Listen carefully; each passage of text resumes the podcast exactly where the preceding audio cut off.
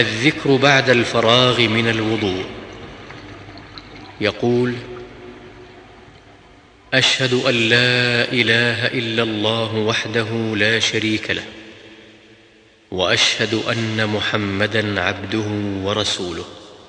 ويقول اللهم اجعلني من التوابين واجعلني من المتطهرين. ويقول سبحانك اللهم وبحمدك. أشهد أن لا إله إلا أنت. أستغفرك وأتوب إليك.